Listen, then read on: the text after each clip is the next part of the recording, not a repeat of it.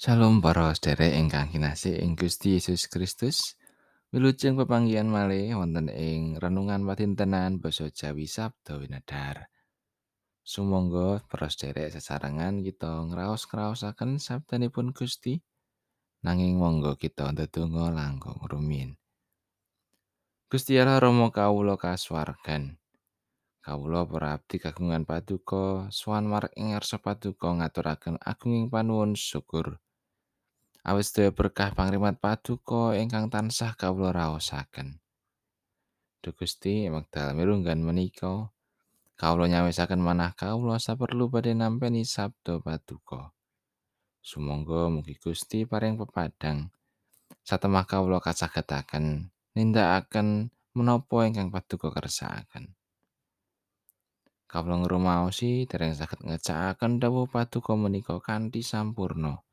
Tasih kathah dosa kalepatan kawula Duh Gusti mugi Gusti ngapunteni.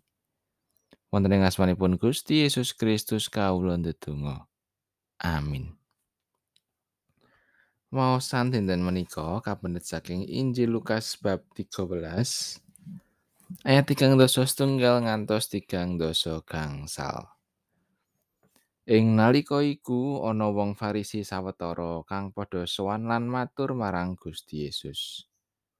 Panjenengan kula aturi sumingkir saking ngriki. Awit Sang Prabu Herodes badhe ngangkah nyedani panjenengan. Paring wangsulane Gusti Yesus. Padha lunga kandha marang asu wawar iku. Aku nundungi demit lan marasake wong ing dina iki lan sesuk dene ing telung dinane aku bakal wis rampung. Nanging ing dina iki lan sesuk tuwin besok mben aku kudu nerusake lakuku. Amarga ora samestine kang jeneng rabi dipateni ora ana ing Yerusalem. Yerusalem, Yerusalem. Kowe kang mateni para nabi lan benturi watu marang wong-wong kang padha diutus nemoni kowe. Wis makaping-kaping anggonku arep nglumpukake anak-anakmu. Padha kaya babon anggone nglumpukake kuthuk-kuthuke ana ing sangisoring swiwine nanging kowe ora ngolehake. Lan omahmu bakal kapasrahake suwung marang kowe. Nanging aku pitutur marang kowe. Kowe bakal padha ora ndeleng aku maneh nganti tumekoke wektune kowe padha celatu mangkene. Bener kaono kang rawuh atas asmaning pangeran.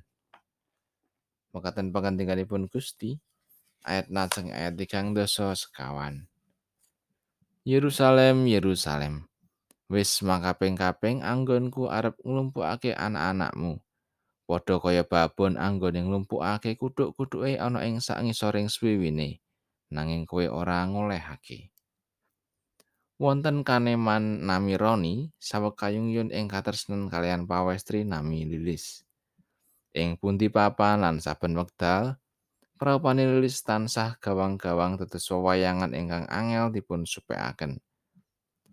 Pangenanganipun pindha sundul ngawiyat. Kados pundi saupamiya ing tembe saged mbangun bale wisma kalian lilis. Ananging nalika Roni nilakaken raos tersanipun dhateng lilis, wangsulanipun terang trawaca mboten purun nampi. Awit lilis sampun netepaken pilihanipun dhateng tiang sanes. Saestu perih lan sedih ingkang karaosaken dening Roni menika. Bab kados pundi dipun tampik dening sesami ugi nate dipun alami dening Gusti Yesus. Raos tersanipun Gusti dhateng Yerusalem saestu ageng. Ewas manten tiang-tiang Yerusalem kepara asring bedang masrahaken manahipun dhateng asanes. Pramila kita saged ngraosaken kados pundi rempuhing manahipun Gusti Yesus. Ngantos kawedal pangutur raos. Yerusalem, Yerusalem, wis makaping-kaping anggonku arep nglumpukake anak-anakmu. Padha kaya babon anggone nglumpukake kuthuk-kuthuke ana ing sak ngisoring swiwine, nanging kowe ora ngolehake. Gusti Allah lumantar Sang Kristus kepareng rawuh ing jagat kangge nelakaken kadarmanipun tumrap manungsa ingkang kawengku dening dosa. Ananging manungsa menika kalebet umat Israel nampik pakaryanipun Gusti menika. Bab menika saestu damel cuwa ing manahipun Gusti. Samangke menapa kula lan panjenengan purun nampi kanugrahanipun Gusti Allah ingkang kababar wonten ing pakaryanipun Sang Kristus menika. Mugi kita gesangkan di asri asih dumateng Gusti minangka saos syukur awit katresnanipun Gusti ingkang ageng menika. Amin. Ojo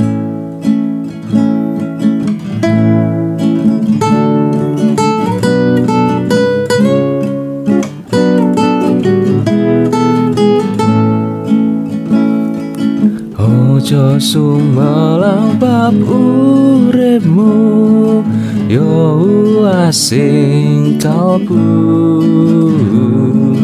Yen bapa tang limputi ati ngayom momring gusti. Allah yeku romo rekso siro salaminyo pasrah sumarao mritan trarjo